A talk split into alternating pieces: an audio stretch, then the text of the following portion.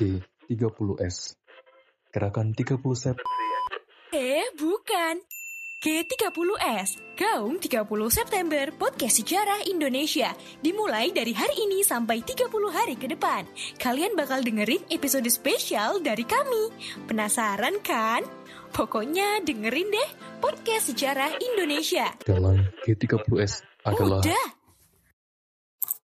orang-orang Yunani Romawi yang biasa berkumpul di museum kuil pengetahuan museum yang tadi dia datang membawa oleh-oleh dari suatu negeri yang kaya raya yang disebut dengan Eritrasa. Mana itu Eritrasa? Oh, negeri emas, negeri perak. Mana? Ternyata itu Indonesia. menarik nggak sih Bu tentang arkeologi? Kalau kalau di bayangan saya kan dulu ketika belajar arkeologi itu ngorek-ngorek tulang, cari sesuatu kayak gitu-gitu, ekskavasi dan yang lainnya kayak gitu. Kan. saya adalah bukan arkeologi lapangan. Oh, saya arkeologi. adalah arkeologi akademisi. Oh ya. Bedanya kalau arkeologi lapangan seperti Balar, Hmm. BPCB Iya. itu Balar itu balai arkeologi yang memang betul-betul dia meneliti Puskit Arkenas, Pusat Penelitian Arkeologi Nasional. Hmm, hmm, ya.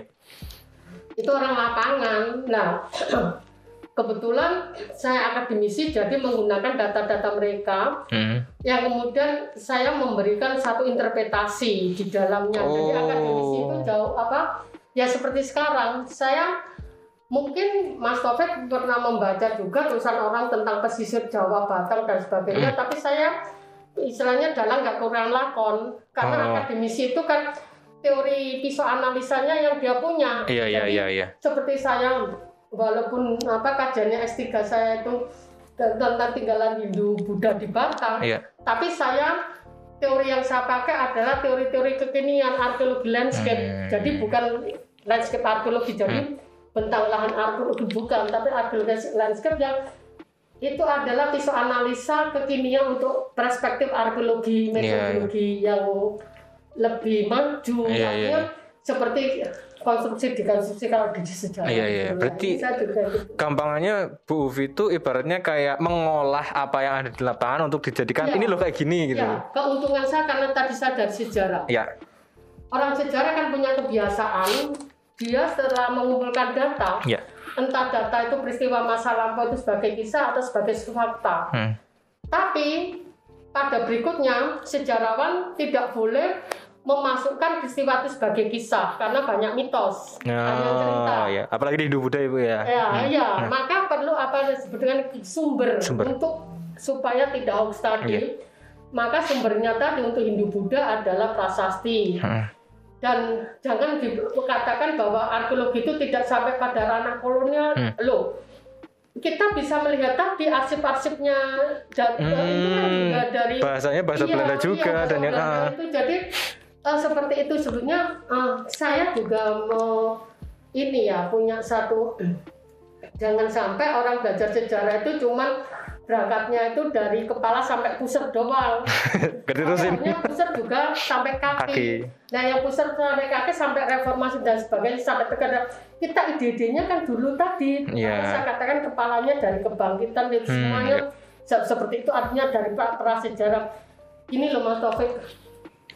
Saya tuh bangganya jadi orang Nusantara. Kita punya sejarah itu bukan seperti sejarahnya orang Amerika, Iya. mm-mm. bukan sejarahnya orang Australia yang tidak punya nenek moyang. Iya iya iya. Tapi sejarahnya bangsa Indonesia punya stemma akar nenek moyang. Hmm, iya. Sehingga kita ngomong mana akar sejarahmu? Ya udah masyarakat pribumi yang ada di Nusantara. Tapi Itu kalau orang Amerika mau ngomong "Mau mana apa pribumimu? Dia Iya. pakai apa orang India, Indian. di Australia orang aborigin. Aborigin. Sehingga trennya sejarahnya orang Amerika itu lebih cenderung ke antropologi. Oh, Dan ya. sejarahnya orang Australia lebih ke antropologi. betul betul. Tapi sejarah Indonesia kiblatnya ke Eropa yang memang nenek moyangnya ada. Ada.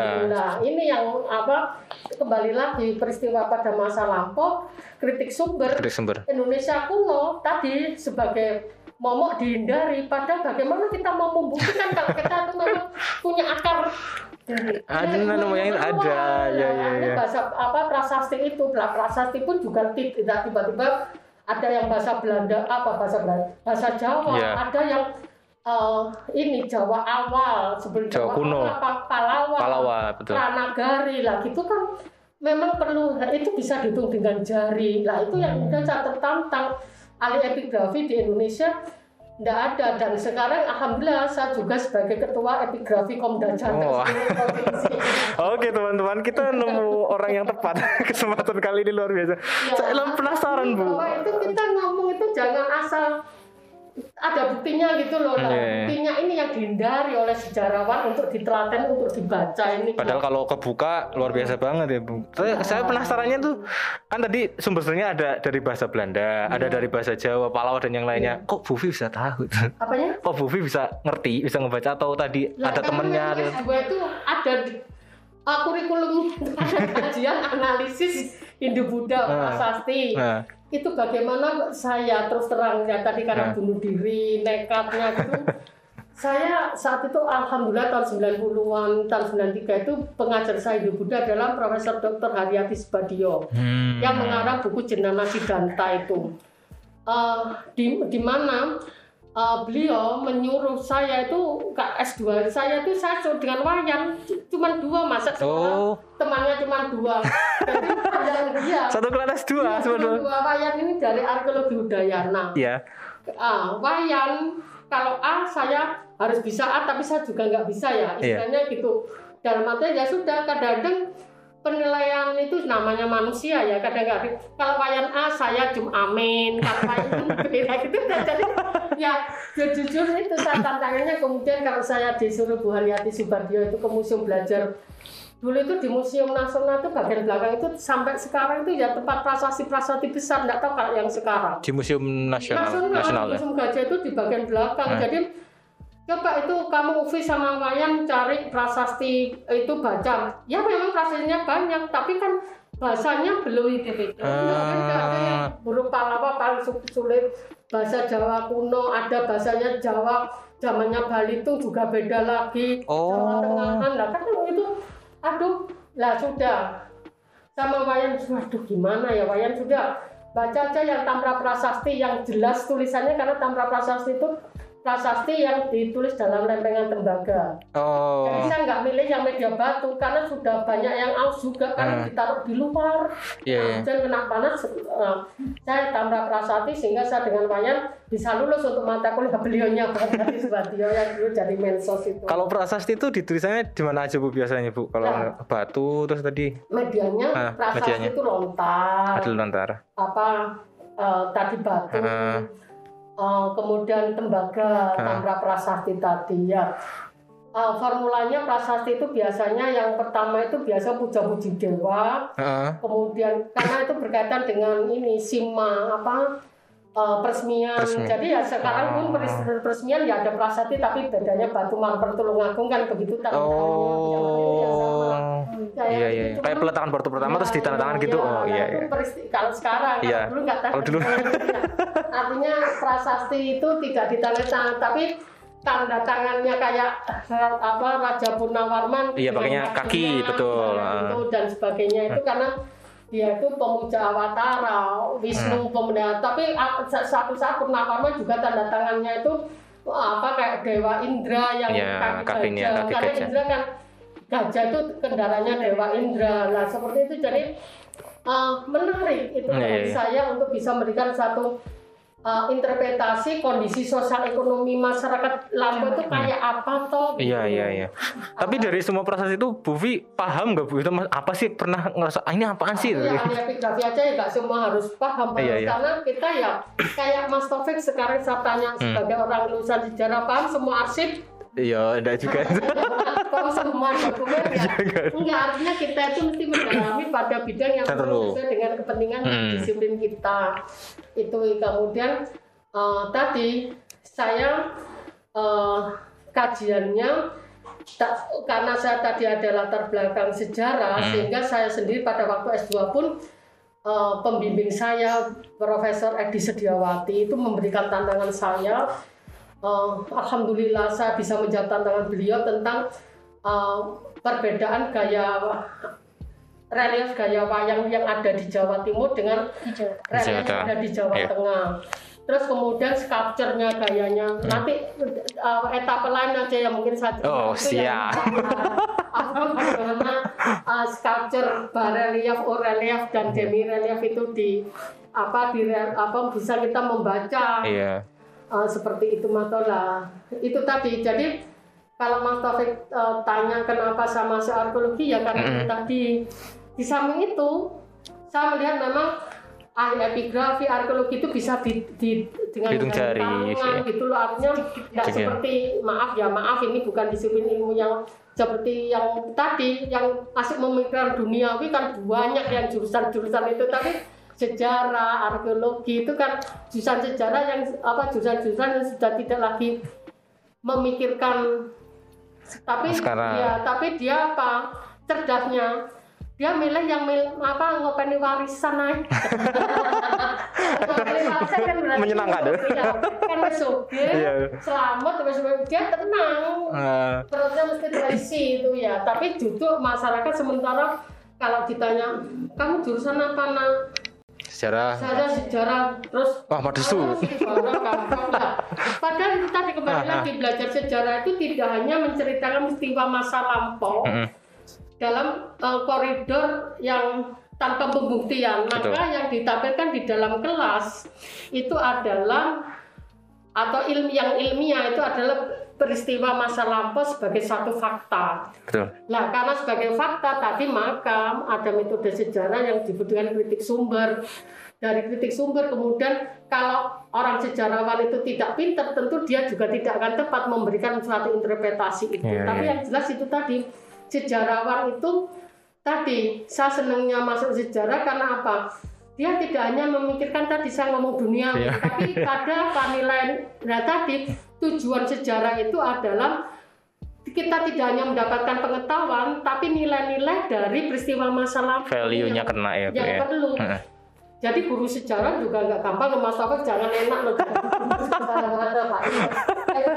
Yang namanya guru sejarawan itu bagaimana bersama-sama siswa setelah transfer pengetahuan transfer knowledge Hmm. bisa menggali nilai-nilai dari peristiwa Ya, itu. Ya. sehingga dia mengapa saya ngajar prasasti misalnya saya ngajar kutai. Saya tidak mengha- mau- mengharapkan siswa saya itu menghafal Mbak Ika Mas Taufik menghafal enggak. Tapi saya kaitkan untuk bisa nanti pada muaranya pada nilai saya bisa mengimajinasi konstruksikan pada mereka. Katakanlah misalnya gini siapa yang menulis Yupa itu? Kan Iya, Mula Warman. abad 4 tapi saya yakin bahwa Mula Warman itu tidak seketika bisa uh, menulis prasasti. Karena prasastinya itu kan huruf Pallawa Pallawa. yang tidak sembarang orang bisa menguasai. Dari mana? Akhirnya muncul itu tahu ya Brahma. Brahma nggak punya uang kok. Siapa yang mem- mengantarkan bahasa Pala- Pallawa sampai Nusantara? Jadi seperti Iya, iya, itu. iya, iya, iya. Karena siswa saya suruh pecah pikirannya lagi. Terus kemudian kalau dia sampai bisa mendatangkan para brahmana dari India, tentunya miskin apa kaya saat itu Hmm. kaya misalnya gitu. Terus saya oh, tentunya kekayaannya dia diperoleh dari mana dia nulis dia namanya Aswawarman A- a- kakeknya bernama Kudungga Kudungga. Kudungga ini yang saya kagumi Hmm. saya katakan sama anak Kudungga ini namanya kan nggak ada namanya Warman. Iya. Raja ya Kudungga nama Hmm, asli. asli. tentunya kalau dia itu tidak apa punya satu eh, sebagai pengusaha yang kula- eh, qualified ya Iya. Tentunya kan sudah ditinggal itu oleh rekanannya pedagang sama orang Cina orang India Iya, iya, iya. karena Kudungga tepat waktu mengumpulkan rempah-rempah dari Maluku, dikumpulkan Iya. mengumpulnya di Kalimantan Hmm, Timur, Timur, itu hmm. untuk teh. Dia tepat waktu. Terus saya sampaikan sama siswa, bahasa apa digunakan pedagang? Bodoh nggak Kudungga? Sekarang kamu untuk menguasai dunia, kamu harus menguasai bahasa apa? Inggris kan gitu. Ah, iya, iya, iya, iya, iya. Itu Kudungga bisa menguasai satu bahasa perdagangan internasional saat itu. Apa? Proto Melayu. Ah, sih, sih, iya, iya. Iya, Detro Melayu Detro yang kemudian dicari tadi oleh Yamin Tamrin dan teman-temannya bahasa pemersatunya ini Bahasa Iya, Austronesia, Austronesia, ya. Austronesia Proto Melayu, Detro Melayu. Padahal yang namanya Sumpah Pemuda dihadiri 11 eh, dari 11 perumus itu tujuh itu orang Jawa untung nggak pakai bahasa Jawa yang Ah, itu. bahasa Iya, benar. Nusantara. Ah. Kalau bahasa Jawa kan ada stratifikasi Betul, bahasa. betul. Ya. Ada ngokol dan yang ya, lainnya. ngomong dosen kan kamu ya sebenarnya nggak apa-apa saudara anda juga nggak Iya. apa-apa Ha. tapi cuma kadang-kadang kesopanan tidak ngomong kamu tapi namanya Pak ini kan Iya. gitu tapi itu ya karena budaya kultur Jawanya sebenarnya kalau namanya Oke. Nah itu tadi menunjukkan bahwa bangsa Indonesia itu sejak lama itu udah egaliter Thomas Taufik sejajar dengan bangsa dunia itu yang kemudian muncul Ya. apa? Bangga, cinta tanah air, gak minder lagi Ya, lah itu loh itu. kan dadang orang Indonesia confidence-nya percaya dirinya itu karena itu tadi kurikulum Belanda yang menginlanderkan di mana apa untuk kelompok sekolah pribumi Iya. dengan anak Keturunan anak Cina. Belanda gitu nah itu yang diperlakukan seperti itu tapi kalau kemudian dia saya kembalikan pada flashback sebelum di, dikuasai Kita gede. Belanda, kita merdeka kaya raya emasnya Bu Fi, kok kita katanya kaya tuh di pergi ke museum saya coba ke museum ternyata ketemu pelat pelat bau Iya. pelat bau itu gelangnya lengan yang paling atas tuh dari emas utuh Hmm. ke museum. Lihat dia mangkoknya apa Wonoboyo Iya, emas itu emas. dengan ukiran relief Ramayana. Mangkoknya aja kayak gitu orang lah cincinnya belum bisa bisa keres lah itu. Itu sebenarnya kalau kita itu seperti itu kan lah siapa yang jaga warisan gitu loh ya Bu. sudah orang sejarah Maaf saya potong Bu. Ini saya benar-benar senang ketemu Bu Upi. Kenapa? Karena saya pernah bilang di kelas kayak gini Bu. Anak-anak percaya apa enggak bahwa Indonesia itu tidak akan pernah menjadi negara maju? Semuanya kaget Bu. Loh kenapa Pak? Karena Indonesia itu sejatinya sudah menjadi negara maju. maju kosmopolitan Mas Taufik Bener Bu? Gunung Padang itu kan bukti-bukti kosmopolitan itu Gila. batunya nggak bisa mosnya itu em, sangat keras di mana orang tidak akan mungkin memiliki apa tanpa pengetahuan teknologi Itu. bisa mengalahkan dengan kekerasan batu yang seperti Itu dia. itu lagi bangga gitu terus Borobudur Iya. apa lah untuk bisa menerjemahkan Borobudur itu kan uh, pem- pemahatnya itu harus mampu membaca satu kitab panduan membangun Hmm. silpa sastra manasara. Nah, lah wong Indonesia papop petok ngono misalnya Iya. muncul itu Ah. Apa kebesaran Kebesaran. kebesaran seperti jadi akhirnya ya itu tadi bisa bangga dengan sejarah dan arkeologi karena itu tadi sejarahnya itu tentang peristiwanya yang Hmm. dilakukan oleh orang zaman lampau arkeologi buktinya Iya. buktinya itu ini gitu dari Berarti Sumpah Pemuda itu nggak abal-abal Bu, karena wilayahnya atau tadi tanahnya itu Tanah. berdasarkan dari buktinya ada. Bangsanya kita tahu dari tadi yang diceritakan tentang Kutai dan yang lainnya, bahasanya pun dari bahasa Austronesia tadi. Berarti emang benar-benar berakar dong. Aku ikut Mas Taufik. Jadi eh, kita tahu para pelayar Yunani Romawi setelah kejatuhan Konstantinopel kan mencari rempah-rempah Betul. di mana untuk menghangatkan tubuhnya. Hmm. Di- dan saat itu memang eh, sudah muncul satu teknologi pelayaran walaupun masih sangat kuno karena mengandalkan angin musim. Iya, iya. Nah, itu sampai pada suatu dia catat itu orang-orang Yunani Romawi yang yang apa eh, biasa berkumpul di museum kuil pengetahuan museum yang tadi dia datang bawa oleh-oleh dari suatu negeri di suatu tempat yang tadi museum tadi sama temannya kamu bawa apa saya datang pada suatu tempat oh apa kaya raya yang disebut dengan Eritrasa mana itu Eritrasa oh negeri emas negeri perak. Mana? Ternyata itu Indonesia. Dan pelajaran geografi kita itu tidak pernah menuliskan nikel. Mesti 10 besar lah. Eh. tembaga besi. Mesti 10 besar pro- apa eh, Produknya. ininya apa eh, sumber daya Sumber daya, mineralnya itu terbanyak di dunianya itu 10 besar Iya. gitu loh Mas Taufik lah. Ini kan memang tidak tidak apa tidak dipungkiri loh itu catatan tertulis kok. Iya, iya, Lah, iya. Eritrasa terus dia nyebutkan Krisikora negeri perak, Agrikora negeri emas. Lah kok kita sekarang orang merdeka tuh sudah merdeka kok enggak saya membayangkan bahwa kalau kita itu betul-betul menguasai apa yang tadi Iya, iya. surga kita, Iya. Kita nggak usah nawar kudung kok mbak Eka. Kudung nggak usah di- Iya, Ngan- apa nawar masih kudung harganya dua puluh ribu masih di apa Dinya gitu. ya karena kita itu tadi nggak ada mas apa kita menguasai mungkin satu satu orang satu jiwa itu satu ton emas. Nah ya? Wah, satu orang satu ton emas itu. Ya, itu yang disadari oleh Soekarno toh. Iya iya iya. iya. Jangan se- melupakan sejarah. Sejarah. bukan meninggalkan sejarah ya, melupakan, Melupakan. sejarah. Wah, jas Nah, merah. Wah. merah. Ya, itu karena Soekarno membaca bagaimana pentingnya sejarah Ah, ah. dan bahkan dia juga memberikan satu eh, apa peringatan Ba- ba- ba- banyak eh, orang-orang eh, jen- eh, ini ya yang arif bijaksana mengatakan mengatakan bahwa dari pengalaman empiris mereka untuk bisa menjatuhkan suatu atau melenyapkan satu bangsa itu dilenyapkan sejarahnya karena itu tadi kalau tidak ada seperti saya tadi maaf ya Mas Iya. Taufik bukannya saya yang ngopeni warisan lah terus kemudian tadi eh, sejarah saya kemudian lenyap Ah, Nah, iya iya lenyap iya. karena tadi saya apa lenyap itu tadi saya jual ke luar negeri Iya, iya, iya, iya. karena arsip-arsip saya oh, kitab-kitab saya saya jual saya Hmm, ya sudah bagaimana kita mau membuktikan karena kita ah, kaya Iya, ka- karena memang di berita-berita yang lalu pun sempat saya baca ya Bu di salah satu kanal berita. Iya, enggak, Bu. Eh, kebetulan saya baca di salah satu kanal berita. Itu beritanya kayak gini, Bu. Memang eh, apa? sumber-sumber sejarah kita atau bukti-bukti sejarah kita itu kan banyak disimpan di Belanda ya waktu waktu iya, zaman Orde itu. Iya, nah, iya. terus kemudian orang-orang Belanda itu bilang seperti ini Bu. Di, di artikel itu tulisannya adalah bisa saya kembalikan kepada Indonesia, tetapi pertanyaannya adalah apakah orang Indonesia itu bisa menjaga